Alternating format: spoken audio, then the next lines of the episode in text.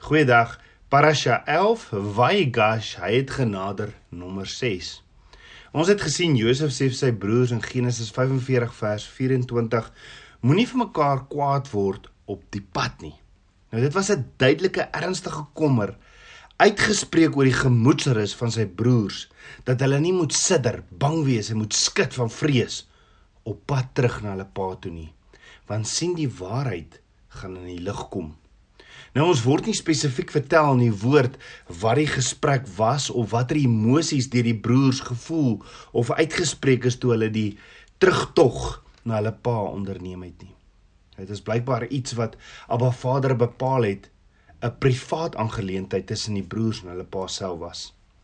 Die enigste ding van die reis wat die woord ons vertel is die volgende in Genesis 45 vers 27 wat sê: "Maar toe hulle hom al die woorde van Josef te kenne gee wat hy met hulle gespreek het en hy die waan sien wat Josef gestuur het om hom te vervoer, het die gees van Jakob Jakob hulle vader lewendig geword." Die nuus wat Jakob se seuns uit Egipte teruggebring het, het vir Jakob waarlik na die waarheid ge gelyk en soos dit wel was. Onthou Jakob het vir 22 jaar niks anders as hartseer geken as hy Josef se naam gehoor het nie. Ek meen daar was daar moes 'n paar dinge deur Jakob se kop gegaan het toe sy seuns begin praat het oor Josef want onthou Jakob het die tasbare bewyse in sy hand gehad. Ek meen, hy het persoonlik gesien hoe Josef se kleed in flarde geskeur was en met bloed bedek was. Jakob se eie logiese afleiding was dat Josef verskeur was deur 'n roofdier. Hierdie bewyse, veral in kombinasie met die stilte van Josef se boeties en hulle versuim om selfs na Josef te gaan soek, het Jakob al die jare oortuig dat Josef dood moes wees. Josef se broers moes tog weet hulle pa gaan hulle nie nou regtig glo nie, want vir 22 jaar het hy hulle leen geglo. Hoekom sal hy hulle nou glo wat sê hy's lewendig en dan nog tweede in bevel van Egipte? Josef tweede in bevel van Egipte? Hy's dan nie Egiptenaar nie. Geen Egiptiese heerser waarvan Jakob nog ooit gehoor het, was 'n Hebreër nie. En wat meer is, as dit waar was dat sy seun gesê het as as dit waar was dat sy seuns gesê het oor Josef waarom was Josef nie nou hier saam met hulle nie? Dit het eenvoudig net nie sin gemaak nie en daarom sê Genesis 45 vers 26 toe hulle hom vertel Josef lewe nog en dat hy regerder is in die hele Egipte land het sy hart beswyk want hy het hulle nie geglo nie Nou die King James sê Jacob's heart fainted. Fainted in Hebreëus is proeg wat beteken dis his heart became numb. Die werkwoord van proeg is pag wat beteken om 'n voortdurende proses te onderbreek of te staak. Met ander woorde, Jakob se hartfunksie het wisselvallig geword of het vir 'n oomblik gestaak om te werk of sy hart het 'n slag oorgeslaan. Nou die Hebreëse ingesteldheid van die hart in Hebreëus die hart eh, die Hebreëse woordjie vir hart is lep is meer as net 'n spierorgaan met vier kamers wat bloed na die liggaam pomp. 'n Hart 'n man se hart lep is die kern van sy emosies en die bron van al sy gedagtes. Dit beteken dat wat gebeur het toe Jakob hoor dat Josef lewendig en tweede in bevel is in Egipte, hy 'n soort senuwee ineenstorting gehad het. Die broers het sekerlik gehoop dat die dat hierdie goeie nuus dat Josef leef en dat hy tweede in bevel oor Egipte goed genoeg sou wees om hulle vader tevrede te stel. Hulle het sekerlik gehoop dat hy nie al die slegte besonderhede van 22 jaar terug hoef te gehoor het of hierdie pynlike waarheid oor wat alles gebeur het hoef te gehoor het nie. Maar Jakob se hart het vir 'n oomblik gestaak. Dit moes duidelik vir die broers beteken het dat hulle 'n paar dinge moet verduidelik of hulle nou daarvan gehou het of nie. Wat hulle egter vertel het, weet ons nie. Maar toe Jakob die waan sien wat Josef gestuur het om hom te vervoer, het die gees van Jakob weer lewendig geword en Jakob sê toe in Genesis 45 vers 28: Dit is genoeg.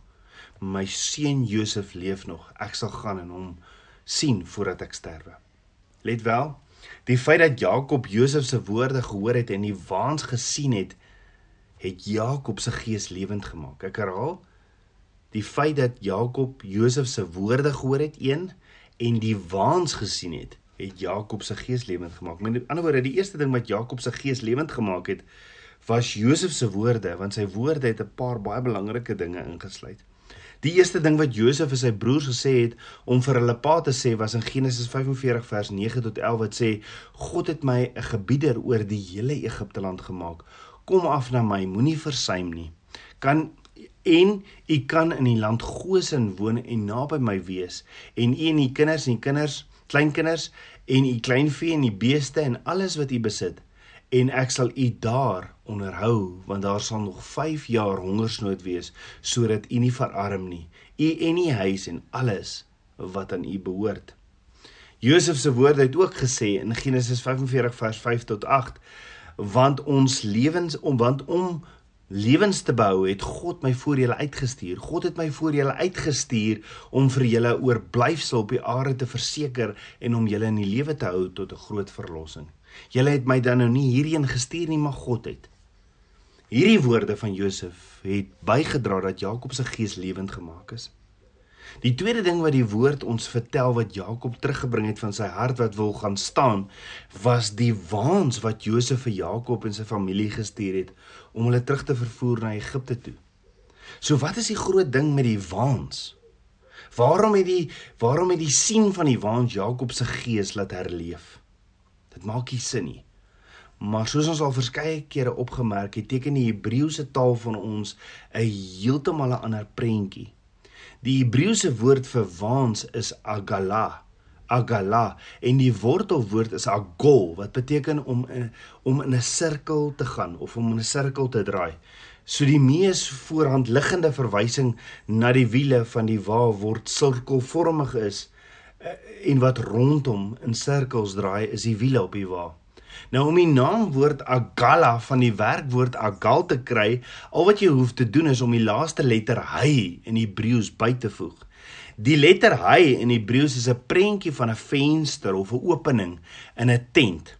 Dis die plek waar die tent lewegewende vars lig en daglig ontvang. As jy die woord agala die meervoud maak, doen jy dit deur die hy aan die einde te verander na die Hebreëse letter taf. Die meervoud word dan agalot. Die Hebreëse prentjie van 'n taf is 'n afbeelding van 'n verbondsteken. Met ander woorde, 'n bevestiging van die afbetaling op die beloftes van 'n verbond. Met ander woorde, die Hebreëse boodskap wat Jakob ontvang het van Josef deur die meervoud woord vir waans agalot is dat die draai van die wiele 'n openbaring agala bring en wanneer al die wiele van die wa draai is die proses een van verbondsvervulling of 'n verbondsteken agalot wat besig is om afbetaal te word. Met ander woorde toe Jakob die waan se wiele sien het hy uiteindelik verstaan dat alles wat met Josef gebeur het en met hom direk verband hou met die openbaring wat Abba Vader aan sy oupa Abraham gegee het toe Abba Vader vir Abraham in Genesis 15 vers 13 gesê het weet verseker dat jou nageslag vreemdeling hulle sal wees in hulle land wat nie aan hulle behoort nie. Daar sal hulle diensbaar wees en verdruk word 400 jaar lank maar ek sal ook die nasie oordeel aan wie hulle diensbaar moet wees en daarna sal hulle uittrek met baie goed Jy sien hierdie profetiese geheim wat Jakob se gees laat herleef het. Is die wiele van die Egiptiese waans. Sal Jakob en sy kinders nie net na Egipte toe neem nie. Deur Abba Vader se verbond met Abraham sal die wiele van die Egiptiese waans ook eendag Jakob se kinders terugbring huis toe met groot groot substansie met hierdie profetiese insig het Jakob se gees herleef die Jakob Abba Vader se openbaring sien, toe sê hy in Genesis 45 vers 28, dit is genoeg. My seun Josef leef nog. Ek sal gaan en hom sien voordat ek sterwe. Jakob was egter baie opgewonde oor die nuus dat Josef nog leef. Maar moes hy en sy familie regtig die beloofde land weer verlaat. Die laaste keer wat hy die beloofde land verlaat het, ongeveer 40 jaar plus gelede, was hy 20 jaar in slawerny in die heidense huishouding van Laban. Al het Jakob so verlang na sy verlore seun Josef, het hy ook Abba Vader geraadpleeg oor die trek na Egipte. Abba Vader sê in Spreuke 3 vers 6: "Ken hom in al jou weë, dan sal hy jou paai gelyk maak." Dit was egter 'n lang, lang tyd gelede wat Jakob ook 'n goddelike afspraak met Abba Vader gehad het. Let wel en Jakob het baie goed geweet die roete van Hebron waar hulle tans bly na Egipte lei hulle deur een of ander bekende gebied. Ja Jakob, Abba Vader se verbondsvernoot, besluit om Abba Vader se aangesig te soek by sy oupa Abraham se antieke put. Die eerste stop op pad na Egipte was by Beersheba. Hierdie put het in Genesis 21 die naam Beersheba gekry deur Abraham. Dit was die plek waar Abraham en Abimelech van Gerar 'n verdrag onderteken het. Jakob se pa Isak het ook die plek besoek. Isak het die ou put hier weer oopgegrawe en die Hebreëse naam herbevestig. Dit sien ons in Genesis 26 vers 26 tot 33. Dit was ook van hier wat Jakob gevlug het nadat hy sy pa Isak en Esau verraai het. Ja, dit was die einste plek waar Jakob van Esau se klere aangetrek het, sy pa Isak bedrieg het en sy vader se seun ontvang het op grond van 'n sameswering met sy ma Rebekka. So dit lyk asof Jakob se lewe ook hier 'n sirkel voltooi. So die plek Beersheba bevat beide herinneringe wat na vore gebring en hanteer moet word, sowel as die fluistering van 'n verbondsvernoot wat gesha, geshema hier luister en nou by moet word. So drie belangrike gebeurtenisse vind plaas hier in Beersheba wat eerstens want eerstens het Jakob iets baie interessant gedoen toe hulle Beersheba bereik het. Genesis 46 vers 1 sê en Israel het weggetrek met alles wat aan hom behoort het in Beersheba gekom en hy het offerandes gebring aan die God van sy vader Isak. Nou op 'n vader het nie vir Jakob in soveel woorde gesê om 'n altaar te bou in Beersheba of Beersheba nie of om 'n vuur te begin, diere te slag en om om dit te offer wat 'n aangename aroma skep om die intieme verhouding van aanbidding te beoefen nie. Wat het Jakob dan gedink toe hy? Die optrede van Jakob in hierdie aangeleentheid het niks te doen gehad met die uitvoering van 'n vrywillige godsdienstige verpligting nie. Dink ook daaroor. Vir Jakob wat verantwoordelik was vir die versorging van 'n groot gesin wat in 'n land gewoon het wat deur hongersnood getuister is om diere vir ander doeleindes as voedsel te slag. Was dit nie 'n dwaase besluit nie? Of was dit 'n geloof van mosterdsaad? Jy sien Jakob, 'n hartseer gebroke man, verpletter deur omstandighede en gebeure, het geweier om na Egipte toe te gaan as Abba Vader nie duidelik op 'n uh, opdrag gegee het nie. Jakob het gekom om Abba Vader, die God wat 'n verbond met sy oupa en sy vader voor hom gesluit het, hartstogtelik te soek. Jakob wou nie na Egipte toe gaan om onderworpe te wees aan Farao se mag om brood te smeek nie. As verbondsvernoot van Abba Vader het hy hom onderwerp aan die wil van Abba Vader alleen. Nie die bevel of slegs nie 'n uitnodiging van een of ander Farao sou maak dat hy gaan nie. Die hongersnood in Israel sou Jakob nie dwing om iets te doen as 'n Abba Vader nie sy goedkeuring gee nie. Hy was net ingestel op die leiding en instruksies van Abba Vader. Tabernakels kind van Abba, voor ons enige groot besluit te maak, hoekom nie Abba Vader vra vir wysheid en leiding nie? Hoekom nie die geneesheer vra vir leiding oor 'n vaksin of 'n 'n enstof wat binnekort deur vrees afgedwing gaan word nie? Mag 'n middel of iets van die wêreld nooit ooit myn jou God word nie. Jy sien Jakob sou nie na Egipte toe gaan om sy lang verlore seun Josef te sien te sien nie of vernoot weens die ernstige hongersnood as Abba Vader nie duidelik vir hom opdrag gegee het om dit te doen nie. Jakob Jakob het hom immers lankal al verbind tot 'n shema, dit wil sê 'n heer listen nou by leefstyl en het niks meer gedoen as hy nie die stem van Abba Vader self gehoor het nie. Die vraag is Tabernakels kind van Abba, het Jakob en sy familie hulle goed soos gister bespreek in Kanaan gelos soos Farao voorgeskryf het? Het Jakob en sy familie kompromie gesluit met die wêreld?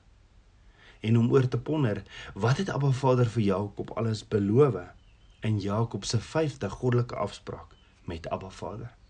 Kom ons bid saam. Abba Vader, skieper van my hart, ek loof en prys U.